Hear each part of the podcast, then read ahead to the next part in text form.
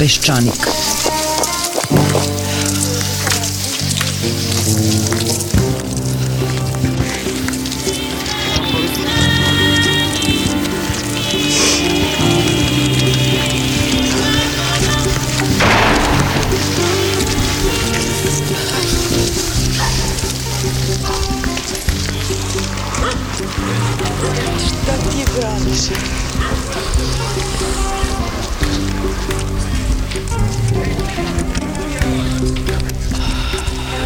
Peščanik.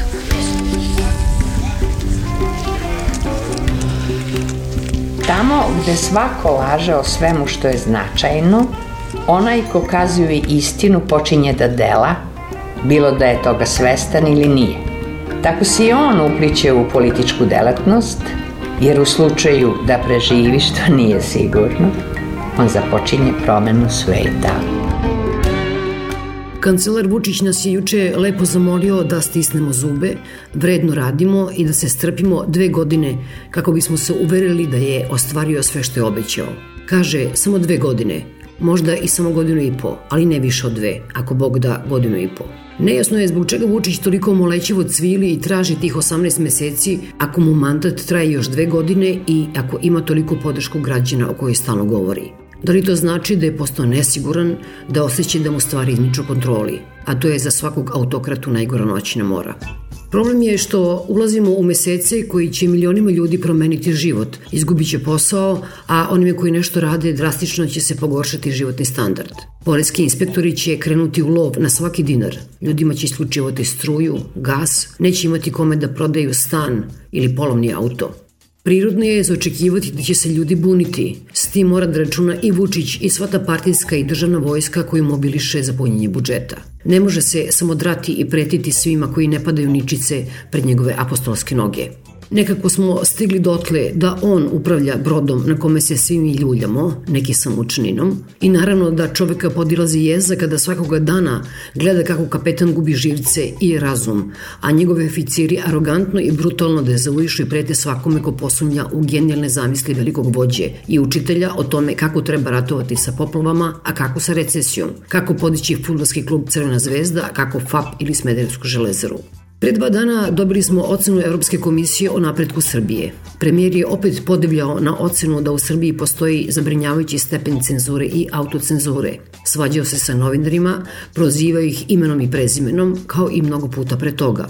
Brutalnost s kojom se obraćao novinarima pokazuje koliko je izvešte Evropske komisije o slobodi medija bio blag – I sve ovo vreme kada je bio slatkorečiv dok je pričao o regionalnoj saradnji ili pregovorima sa Kosovom, kada je govorio o medijima i novinarima uvijek se pomaljao onaj Aleksandar Vučić, Miloševićev ministar informisanja. Čovek koji je sa svojim političkim ocem Vojslavom Šešeljem pravio spiskove novinara stranih plaćenika i izdajnika, spiskova od kojih se nemušto ogradio pre neku godinu. Ovaj Vučić, kao i onaj, opet pokazuje prstom na novinare koji idu u strane ambasade.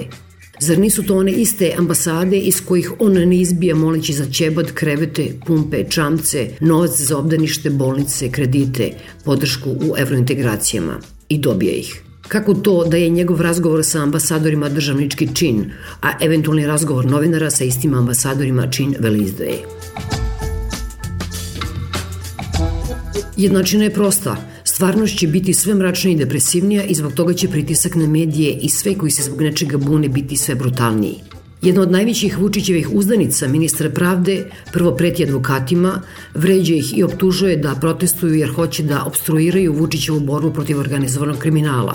Selaković primenjuje recept svog kolege, ministra policije Stefanovića, koji je tvrdio da su optužbe da je lažni doktor nauka pokušaj obstruiranja reforme policije. Stefanoviću je uspelo. Neka sramna komisija na čuvenom megatrendu ga je odbranila, niko ne sme da uđe u komisiju koja bi ispitala Šapićev doktorat, a o umotvorinima gradonačelnika Siniše Malog niko ne sme ni da zucne. To što je uspelo Vučiću i Stefanoviću da zaplaši praktično celu akademsku zajednicu izgleda neće uspeti Selekoviću. On se namerio na 8000 advokata i još nekoliko hiljada njihovih pripravnika koji zakone znaju bolje nego on, što izgleda i nije tako teško. Selaković se ponaša kao da je Dušanov zakonik koji je nosio Brisel da pokaže kako je Srbija bila pravna država, dok su njihovi preci viseli na drvetu poslednje pravno štivo koje je pročitao.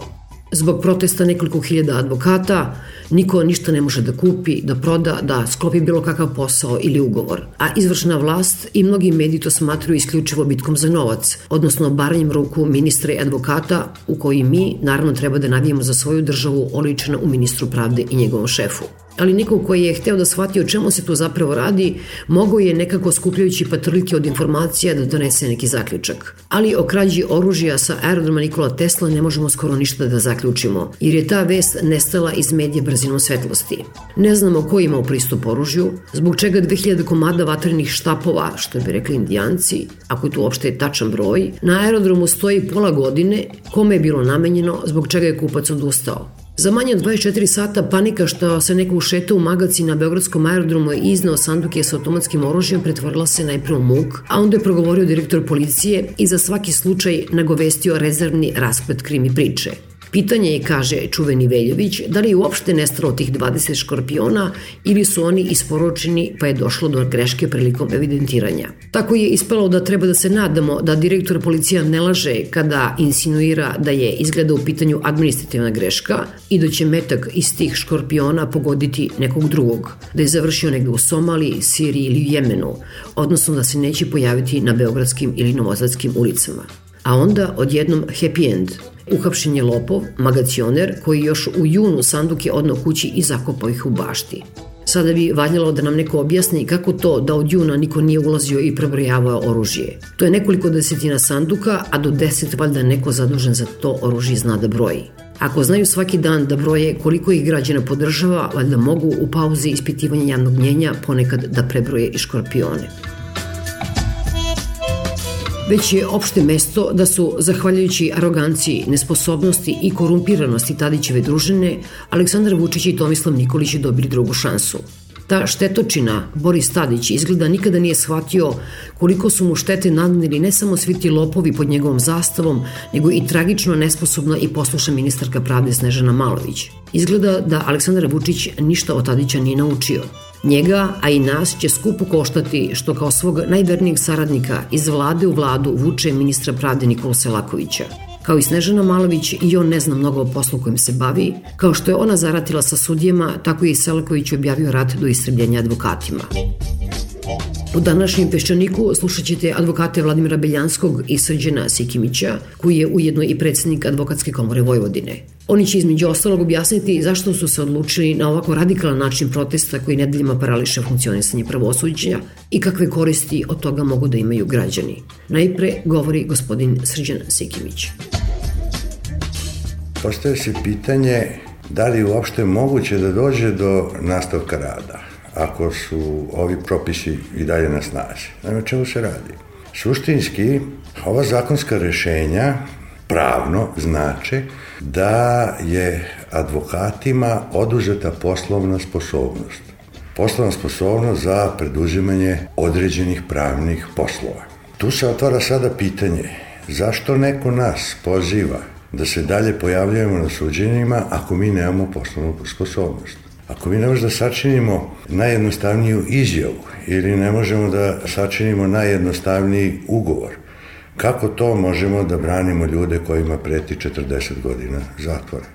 Dakle, ne radi se ovde ni o čemu drugom, nego o protivustavnom delovanju, nažalost, koje je krenulo od Ministarstva pravde, pa preko vlade i završilo donošenjem odluke u Narodnoj skupštini, i dakle o povredi čitavog niza ljudskih prava, odnosno kompletnog korpusa ljudskih prava koji je predviđen Ustavom i koji se garantuje Ustavom, a ovde se apeluje na nas da omogućimo rad u samo jednom uskom segmentu, a to je taj deo koji se tiče postupanja u krivičnim postupcima gde postoji mogućnost određivanja pritvora ili neke druge mere prema našim klijentima. Suštinski nije moguće baviti se samo jednim, a ne kompletnim korpusom ljudskih prava, jer to prosto ne bi bilo fair. Naravno da vlast apeluje da se to radi iz prostog razloga što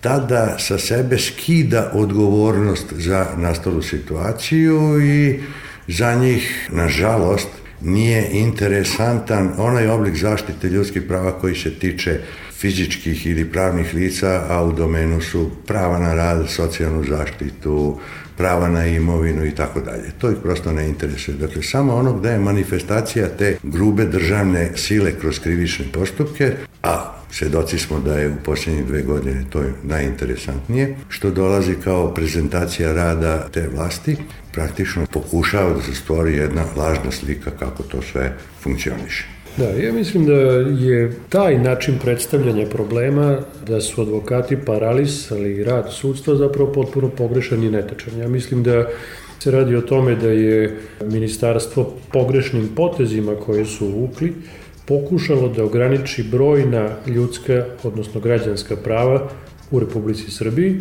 a da je advokatura na to ukazala na način na koji je bila primorana da ukaže.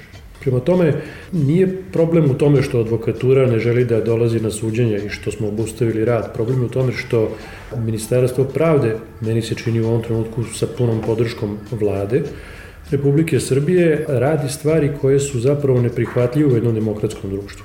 Kad to kaže, mislim prvenstveno na pokušaj ograničenja prava advokata.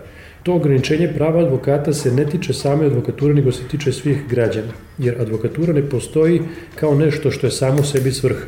Advokatura postoji da bi štitila ljudska prava građana i da bi omogućila građanima koji kad dolaze u kontakt sa državom imaju pravnu pomoć pomoću koje mogu da se zaštite ili da pariraju državi.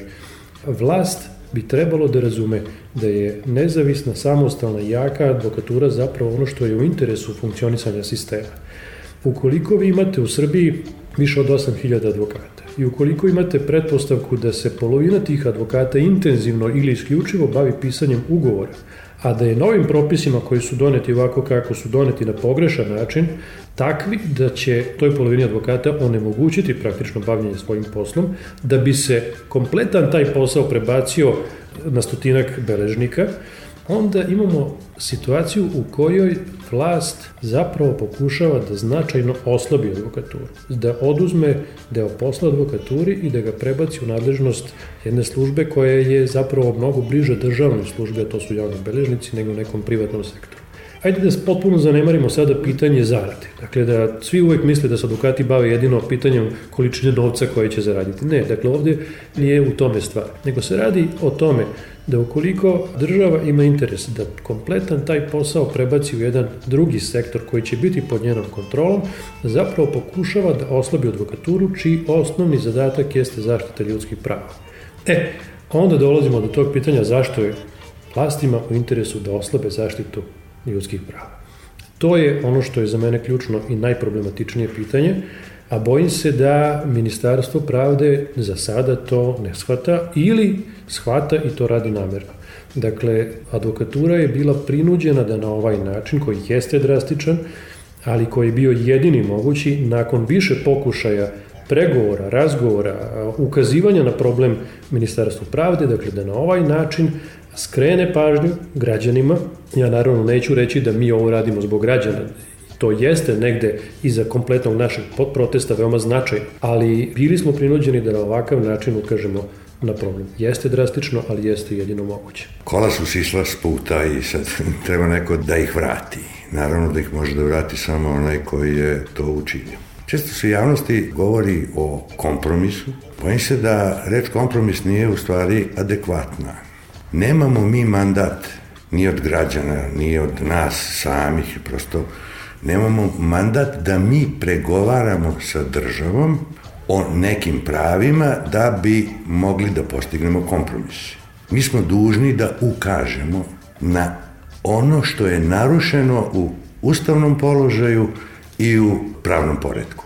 Dakle, ne možemo mi razgovarati i nagađati se sa državom šta bi bilo neko polovično rešenje. Rešenje mora bude celovito, dakle stvar mora se vratiti u ustavne okvire.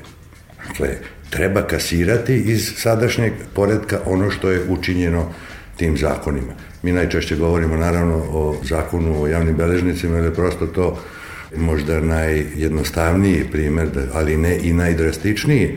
Imamo čitav niz zakon o prometu nepokretnosti, zakon o državnom preobranilaštvu, zakon o besplatnoj pravnoj pomoći koji je sada u proceduri.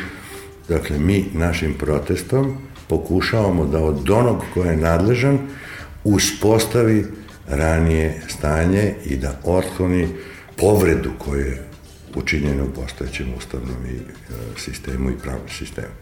Ajde da pođemo od najjednostavnijeg primjera i o zakonu o javnim beležnicima i o zakonu o prometu nepokretnosti, gde zapravo vi kao građanka nemate više mogućnost da, kao što ste do sada mogli, sami sačinite ugovor, na primjer, poklonu nekretnine ili o kupovini nekretnine, Do sada ste mogli da nađete obrazac ukoliko se radi o jednostavnom ugovoru na internetu, na drugom mestu, da sami sačinite taj ugovor ili zamislite, na primjer, da ste diplomirani pravnik sa položenim pravosudnim ispitom ili čak ja kao advokat ne mogu sam sebi da sačinim ugovor i da raspolažem svojom nekretninom, nego sam prinuđen ovim novim propisima da sada odem kod javnog beležnika koji će to učiniti u moje ime, sačiniti javno-beležnički zapis, naplatiti mi uslugu, takse i tako dalje i na taj način smo dovedeni u situaciju da smo praktično kao građani lišeni poslovne sposobnosti.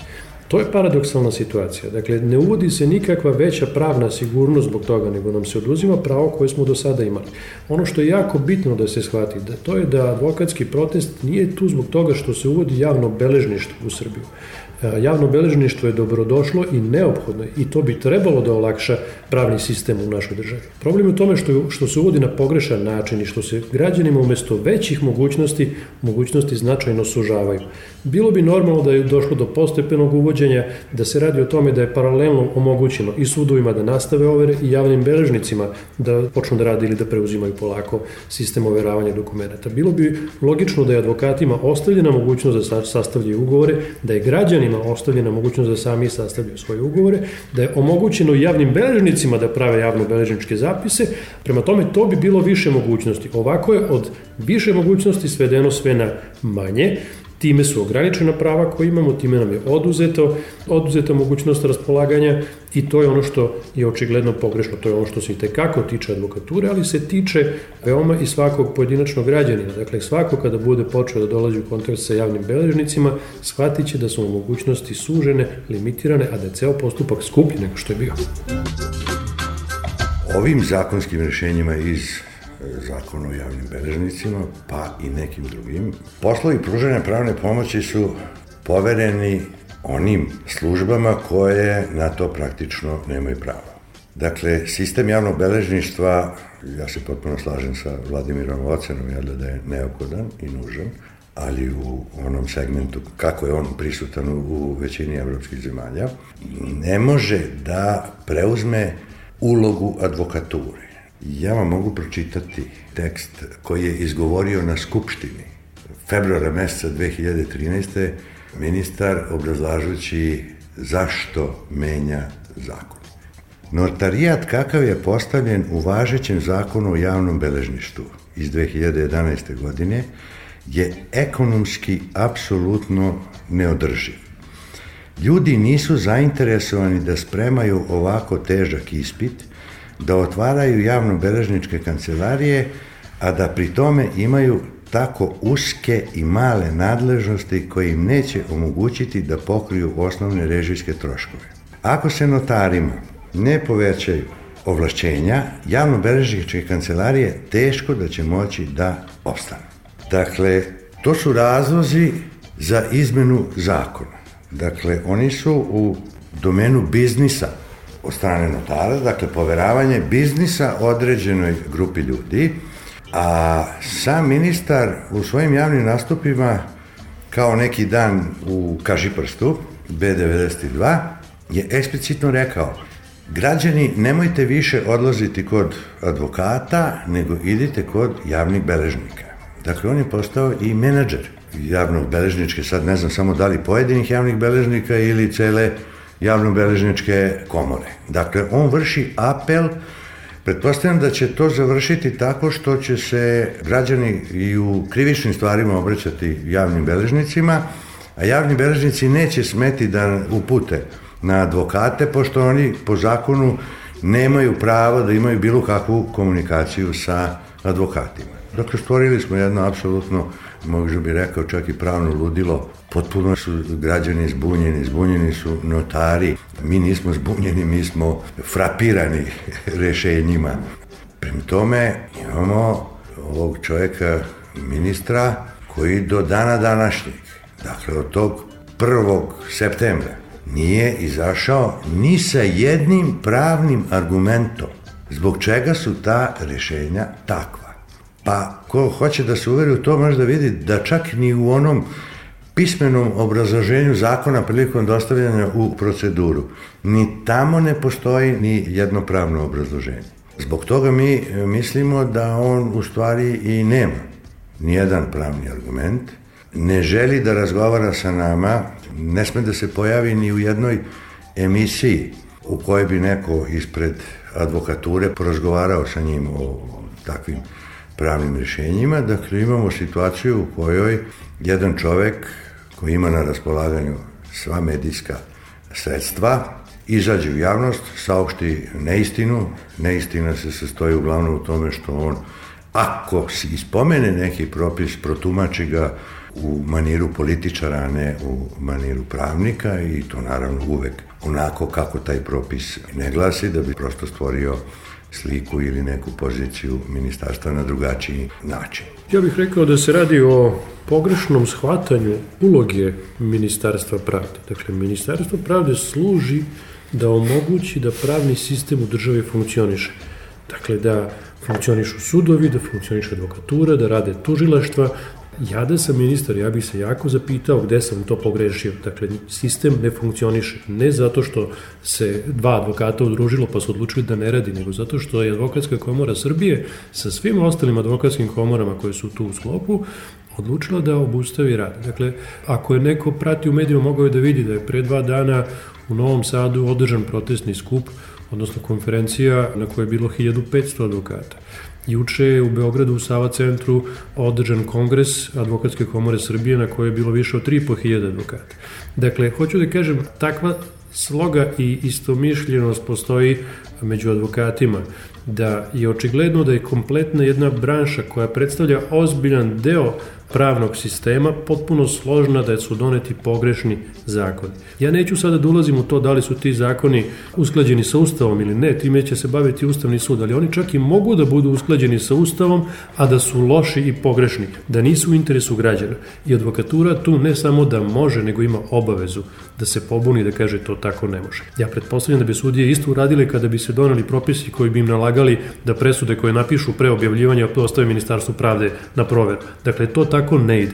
I ne ide ni tako što se advokaturi oduzima deo posla na štetu građana i prebacuje nekoj novoj biznis grupi, tako da kažem, kao što je Srđe rekao, nego stvari moraju da funkcionišu drugačije. Pre svega, između Ministarstva pravde mora da postoji prethodna kvalitetna komunikacija sa sudovima, sa tužilaštvima i sa advokaturom. Ovde toga očigledno nema.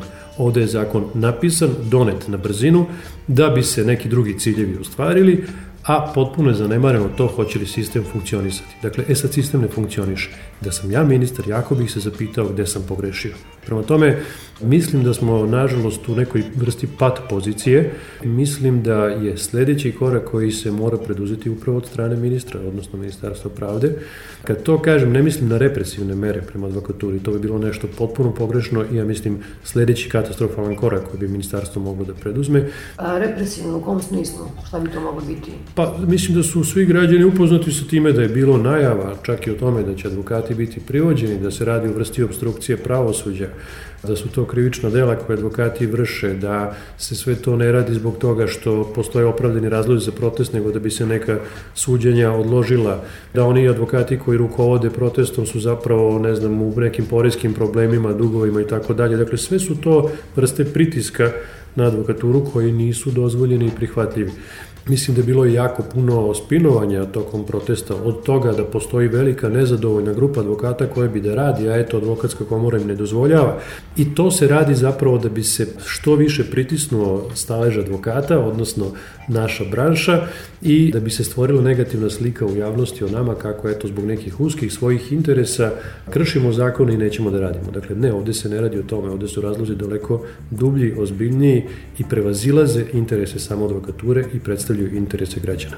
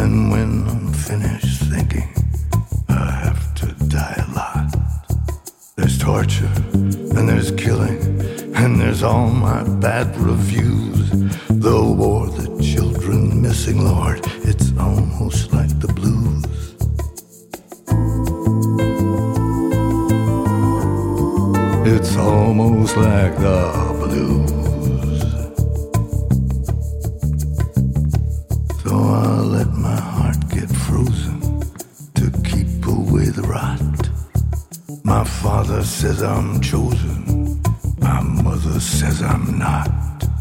I listen to their story of the gypsies and the Jews. It was good, it wasn't boring.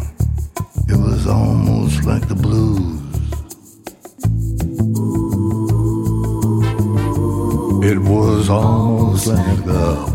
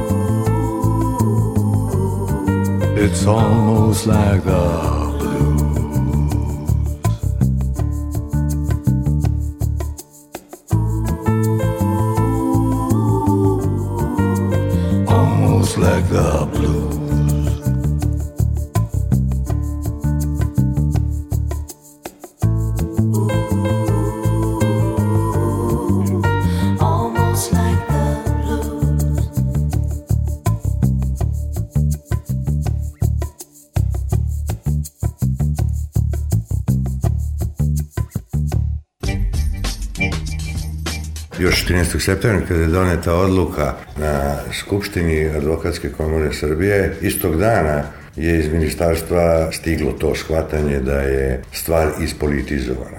Znate, spominje se često suđenje Miškoviću i ne znam, raznim tajkunima. Evo, mene pitate, ja se inače ne bavim tom granom pravi, ja nemam pojma ko je branilac Miškoviću i da li ima jednog, pet, ne znam ni ja koliko, ne poznajem ni jednog, nisam, nisam to čak pratio ni kroz medije. Dakle, to je stani pokušaj, opet u nedostatku pravnog argumenta, pokušaj prljanja. Dakle, moram da isprljam svoje, ja bih rekao, sagovornike, a oni verovatno misle svoje protivnike, bilo čime, to mogu biti po pravilu, eto tako, neka veze sa tajkunima ili neke pare, to su po pravilu neke prljajuće priče kojim pokušavaju da se omalovaže oni koji se eto za to zalažu. Naravno, to je sad još jedno interesantno pitanje. Nije samo 8.500 advokata, imamo gotovo 4.000 pripravnika. To je znači 13.000 ljudi. Ja mislim da je to čak možda 30% intelektualaca u ovoj zemlji, jer je, nažalost, i taj broj opao. Mnogi su odavde otišli glavom bez obzira, mnogi i e, dobrovoljno. Ja? Dakle, ako vi uđete u takav odnos prema jednoj društvenoj grupi, a pri tome nemate nikakav argument, onda ste u ozbiljnom problemu. I, dakle, taj problem takvog načina vođenja jednog takvog ministarstva, koje je nesumnjivo ministarstvo broj 1 u procesu pridruživanja, ako vi prepustite da to ministarstvo funkcioniše na taj način sa takvom svojom kadrovskom strukturom, onda to prevazilazi ove okvire našeg protesta. Jer to je onda ovaj, ozbiljniji problem za ovu državu i za one koji trebaju da vode računa kako ćemo mi taj proces pridruživanja okončati. Ovako bojim se da nikako. Da se vratimo samo na javne beležnike. Ako je zaključak da će građanima te usluge biti mnogo skuplje nego do sada, Taj novac koji će uzimati javni beležnici po zakonu koji je aktuelan, gde taj novac odlazi? Na taj način će država mnogo manje prihodovati nego što je to bilo do sada. Do sada su sudske takse bile to što je bio prihod države, a sada umesto toga kompletnu nagradu za rad odnosno za uslugu javnog beležnika, građani će plaćati javnom beležniku koji će državi biti dužan da plati samo PDV. Prema tome, e, značajno se smanjuje i ono što država prihoduje i to je ono što smo do sada da govorili, predstavlja jedan novi biznis plan za jednu, tako da kažem, e, novu grupu ljudi koji će se baviti javnim beležništvom. To je i za građane nepovoljnije, s jedne strane kada gledamo direktno na ono što moraju da izvade iz džepa i da plate kada im je neophodna javno-beležnička usluga, a bit će im neophodna za mnoge, mnoge stvari. A sa druge strane taj novac ne odlazi državi kao što je do sada to bilo, nego odlazi samo PDV državi, dok ostatak ostaje kod samog javnog beležnika. Pa to je neobično i dosta simptomatično s obzirom na to da pokušavaju da uteraju svaki dinar od poreza u budžet, s obzirom da znamo koliko je duboko to dno samo budžeta, da odjednom se tako nešto dešava. Jeste, to je veoma čudno da je to tako. Ja bih e, pre svega to objasnio jednom drugom stvari. Dakle, moj utisak jeste da je ovo urađeno u okviru jednog pokušaja slabljenja advokature. To možda neko shvata kao neko uvođenje nekog reda u advokaturu, što je daleko od istine, naravno, i predstavlja situaciju u kojoj će advokatima pokušati da se oduzme značajan deo prihoda, istovremeno se deo, značajan deo prihoda oduzima i državi, možda čak i značajniji nego samim advokatima, prebacuje se sve javnim beležnicima, ali kada država dovede nekoga, kao što je to advokatura, u situaciju da ne može da funkcioniše na taj način što će samo ostvarivati svoje prihode, nego da će morati da preživljava od nekih mrvica koje država ostavi, a planira se uvođenje drugih propisa, odnosno donošenje drugih propisa koji će još smanjiti mogućnosti advokatima, tada vi više zapravo nećete imati slobodnu i nezavisnu advokaturu koja će biti u službi građana u cilju zaštite ljudskih prava. Ako nemate slobodnu i nezavisnu advokaturu koja će se time baviti, onda nećete imati zapravo nikoga da štiti pojedinačna ljudska prava građana u odnosu na državu. Drugim rečima, državi su onda ruke odrešene ili u mnogo većoj meri odrešene nego što je to sad i nego što je bilo prihvatljivo u bilo kom demokratskom društvu. Ja mislim da se slična situacija ili jedna paralela može napraviti u situaciji sa medijima u odnosu na situaciju u advokaturi i tu postoji zapravo veliki upliv države u kontrolu medija na određeni način, što je neshvatljivo u svakom demokratskom sistemu. Dakle, ako vlast ima nameru da vlada na osnovu demokratskih principa, tada je takvoj vlasti potrebna i nezavisna štampa i potrebna je nezavisna advokatura i mnoge druge oblasti koje će biti takođe nezavisne i koje će funkcionisati u okviru tog sistema, jer se time podiže standard ljudskih prava, time se podiže standard medijskih sloboda, time se podižu mnogi drugi standardi. Ukoliko država funkcioniše na taj način, odnosno ukoliko vlast funkcioniše na taj način da guši ove grane i da sužava prava, da sužava informacije, da kontroliše sve, tada to predstavlja signal da se ide u lošem pravcu da se prave ograničenja tamo gde ne sme da ih bude i zapravo da se ne vlada na demokratskim principima. Samostalnost i nezavisnost advokature nije izmislila današnja advokatura. Samostalnost i nezavisnost u naše profesije praktično postoji od njenog nastanka. Na bazi tih iskustvenih normi koje je život unazad 200 godina nametnuo, doneto je čitav niz međunarodnih konvencija, od povelje Ujedinjenih nacija preko povelje Evropske konvencije o ljudskim pravima, konvencije o slobodnom pristupu pravde, konvencije o položaju i ulozi advokature i tako dalje, postoji obaveza države da obezbedi samostalnost i nezavisnost naše profesije. Srbija je potpisnik svih tih dokumenta i po postojećem ustavu ti dokumenti su sastavni deo našeg pravnog sistema. Potpuno je zaprepašćujuće da se resorno ministarstvo potpuno oglušuje o postojanje takvih dokumenta. U tim dokumentima su jasno propisane granice delovanja države i granice delovanja advokature. Imali smo mi u našoj istoriji pokušaja oduzimanja prava advokaturi i, i stavljanja pod neku vrstu nadzora postoje čak i anegdotski dokumenti koji potiču iz službi bezbednosti o potrebi stvaranja nove i partiji privržene advokature.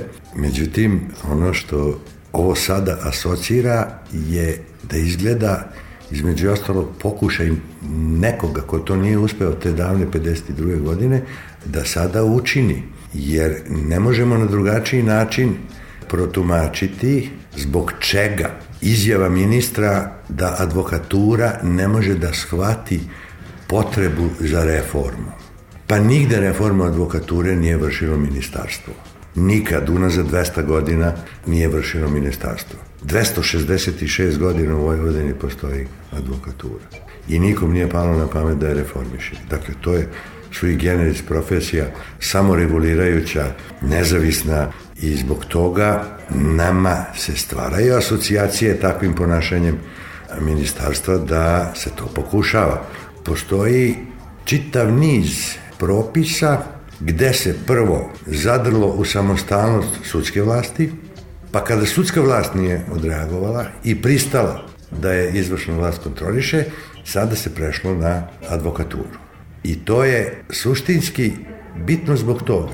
Da li smo mi na terenu stvaranja paralelnog pravnog sistema, koji je u ovom trenutku potpuno suprotan i postojećem pravnom sistemu i ustavnim rešenjima.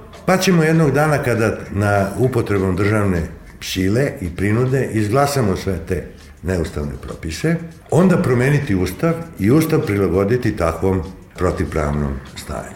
Ono što isto tako mislim treba reći, bojim se da i postojeći Ustavni sud pogoduje svojim stavom takvoj situaciji. Kad je u pitanju advokatura, aktualni ministar je javno rekao, čak pretio advokaturi da će Ustavni sud odlučiti protiv onoga što mi tvrdimo i tako dalje, pa je onda prešao na Upravni sud da on zna da će Upravni sud poništiti sve naše odluke koje mi budemo kaznili kolege koji se ne budu pridržavali i tako dalje. Mi imamo čutanje. Ćuti i Ustavni sud koji po službenoj dužnosti je dužan bez bilo čije inicijative da zaštiti ustavnost i ćuti Upravni sud. To čutanje nas opet asocira da ili postoji dogovor ili se plaše. A ako se plaše, znači da su i oni pod kontrolom izvršne vlasti. Zašto, ako se ne plaše, zašto ne izađu i ne kažu to što ministar govori nije tačno. Ne može da govori u naše ime. Ne, mi imamo čutanje. Još jedna stvar, evo Srđe je potpuno pravilno rekao, dakle zaista se advokatura u prošlosti, u svojoj istoriji sretala sa raznoraznim problemima, sa vlastima koje su bile takve da su smatrale da advokaturu apsolutno treba staviti pod kontrolu, ali ono što je zanimljivo da nijedan od tih pokušaja napada na advokaturu od strane autoritarnih vlasti nisu dovele do ovakvog protesta advokature. Dakle, meni i to govori zapravo da je ova vrsta napada na advokaturu drastičnija nego što su bile one prethodne.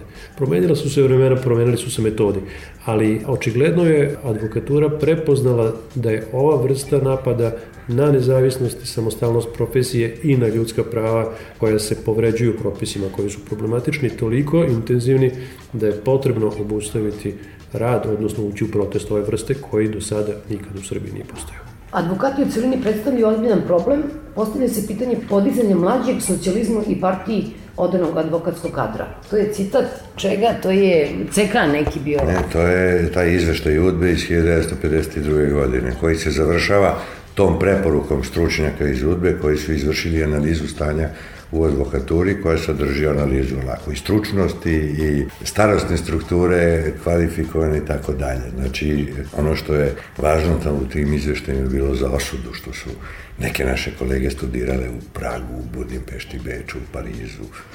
To je rezultat razmišljanja ondašnjih vremena, a i mi imamo sad poruku da trebamo da se reformišemo. Samo još uvek nam nisu dali pravac Ako neće, Saslušat ćemo ga, pa ćemo onda videti ako ne budemo hteli sami, neko će nas već reformisati. Neko će nas već reformisati, da. Ovde nema pobednika. Nismo mi ušli u ovu situaciju da bi nekog pobedili ili da bi rizikovali da budemo pobeđeni. Radi se o mnogo široj stvari, radi se o pravnom poredku ove zemlje. Dakle, tu nema pobednika. Ima samo, kaže, vraćamo stvar i rešavamo ga na taj, taj, taj način. On je u skladu sa međunarodnim dokumentima, postojećim ustavom postojećim pravnim sistemom. Pobednika nema. Mi smo bili ti koji smo ukazali na to i tu se stvar završava.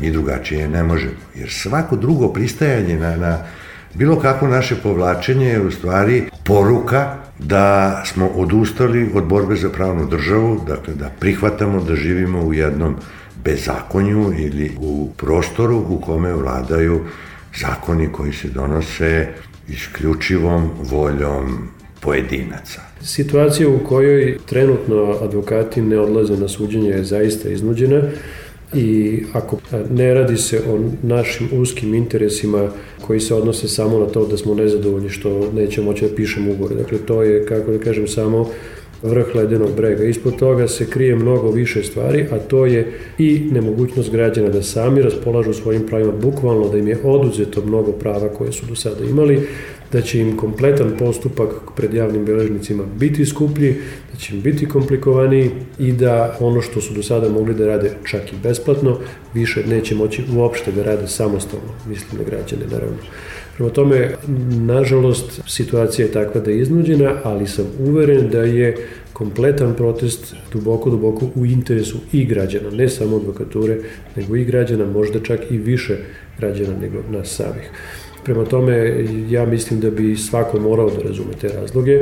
Da li će ih svako podržati kada dođe u situaciju da mu se suđenje koje mu je važno da se održi, odloži, ne znam, ali suđenje će kad tad biti završena, a ukoliko izgubimo sada mogućnost da zaštitimo prava koja su nam oduzeta, mislim ne samo na advokaturu, kažem još jednom, nego na građane, nikada više nećemo biti u situaciji da vratimo stvari u normalu i onako kako treba da budu. Građanima je oduzeto pravo na izbor.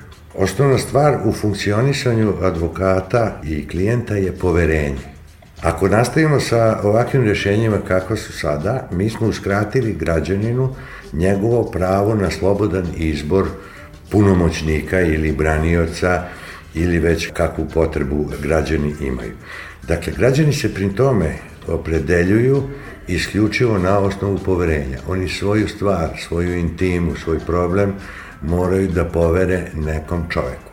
Ako se uspostavi kontrola izvršne vlasti nad advokaturom, to znači da ćete vi u bliskoj budućnosti biti u prilici da se obraćate Ministarstvu pravde, da imate određeni problem i da vam Ministarstvo pravde odredi koji će to advokat u zemlji Srbiji da vama obavlja. Pa bez obzira na vašu volju, Da li će to biti jedan ili drugi, vama će država dodeliti nekog po njenim kriterijima podobnog koje vi treba da iznesete sve ono što vam je na duši i srcu, sve savjestite kakav je problem i da vam praktično na taj način odrede takozvanu pomoć, a onda će vas poslati naravno opet u drugi državni organ da vam presudi o toj vašoj intimnoj stvari.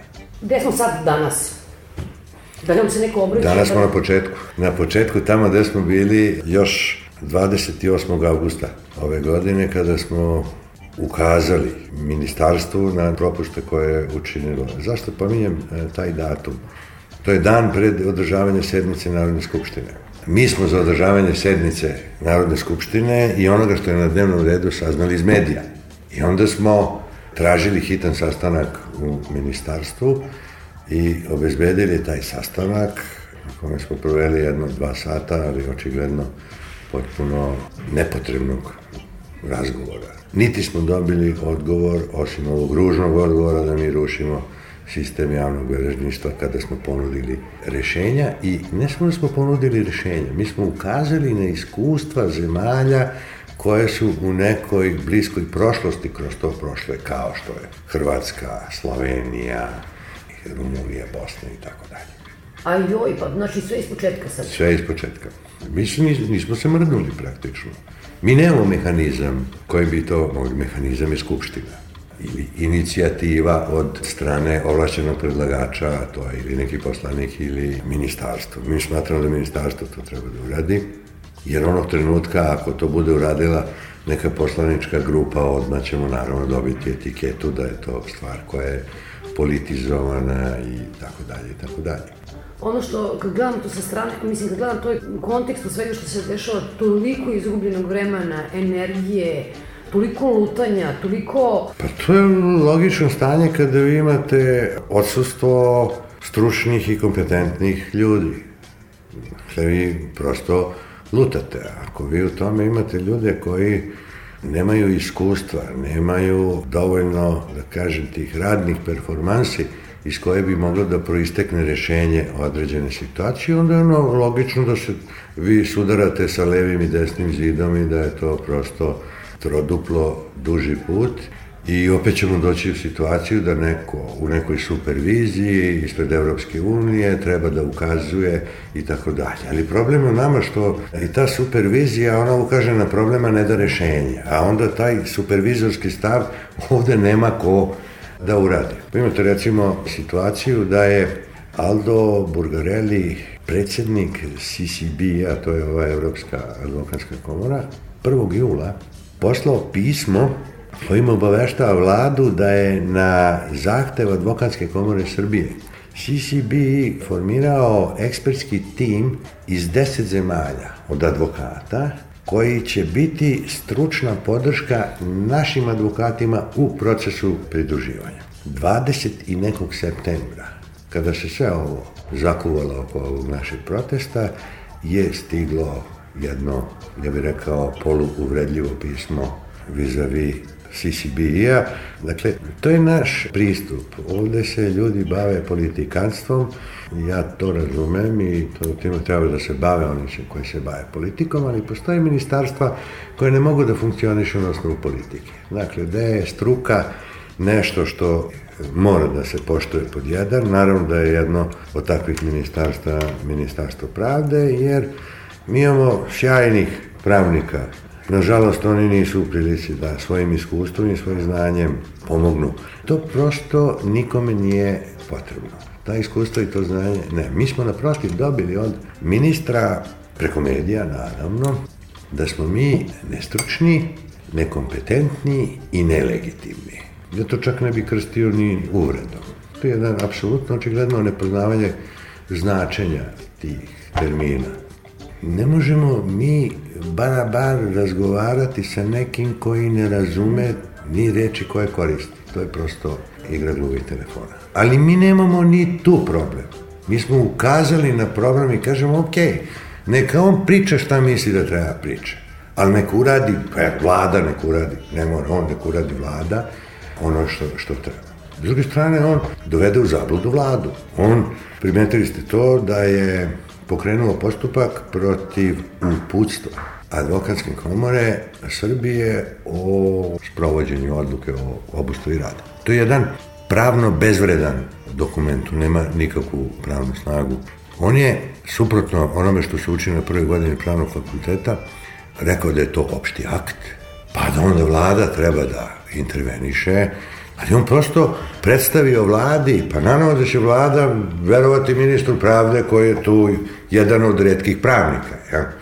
Međutim, radi o tome, ali valjda postoji neke stručne službe tamo koje to prethodno treba kontrolišu, pa da kažu, alo ljudi, profesor Lukić još napisao davnih godina da, da to nije opšti akt. I tako dalje. Ali sve su to stvari koje e, se dešavaju, ali bez obzira na njih neće se rešiti. Jedno jedino je rešenje da onaj ko je odgovoran za funkcionisanje ove države shvati i da kaže, alo, To moramo otkloniti ne ni zbog tih advokata, ne zbog građana i zbog ove zemlje.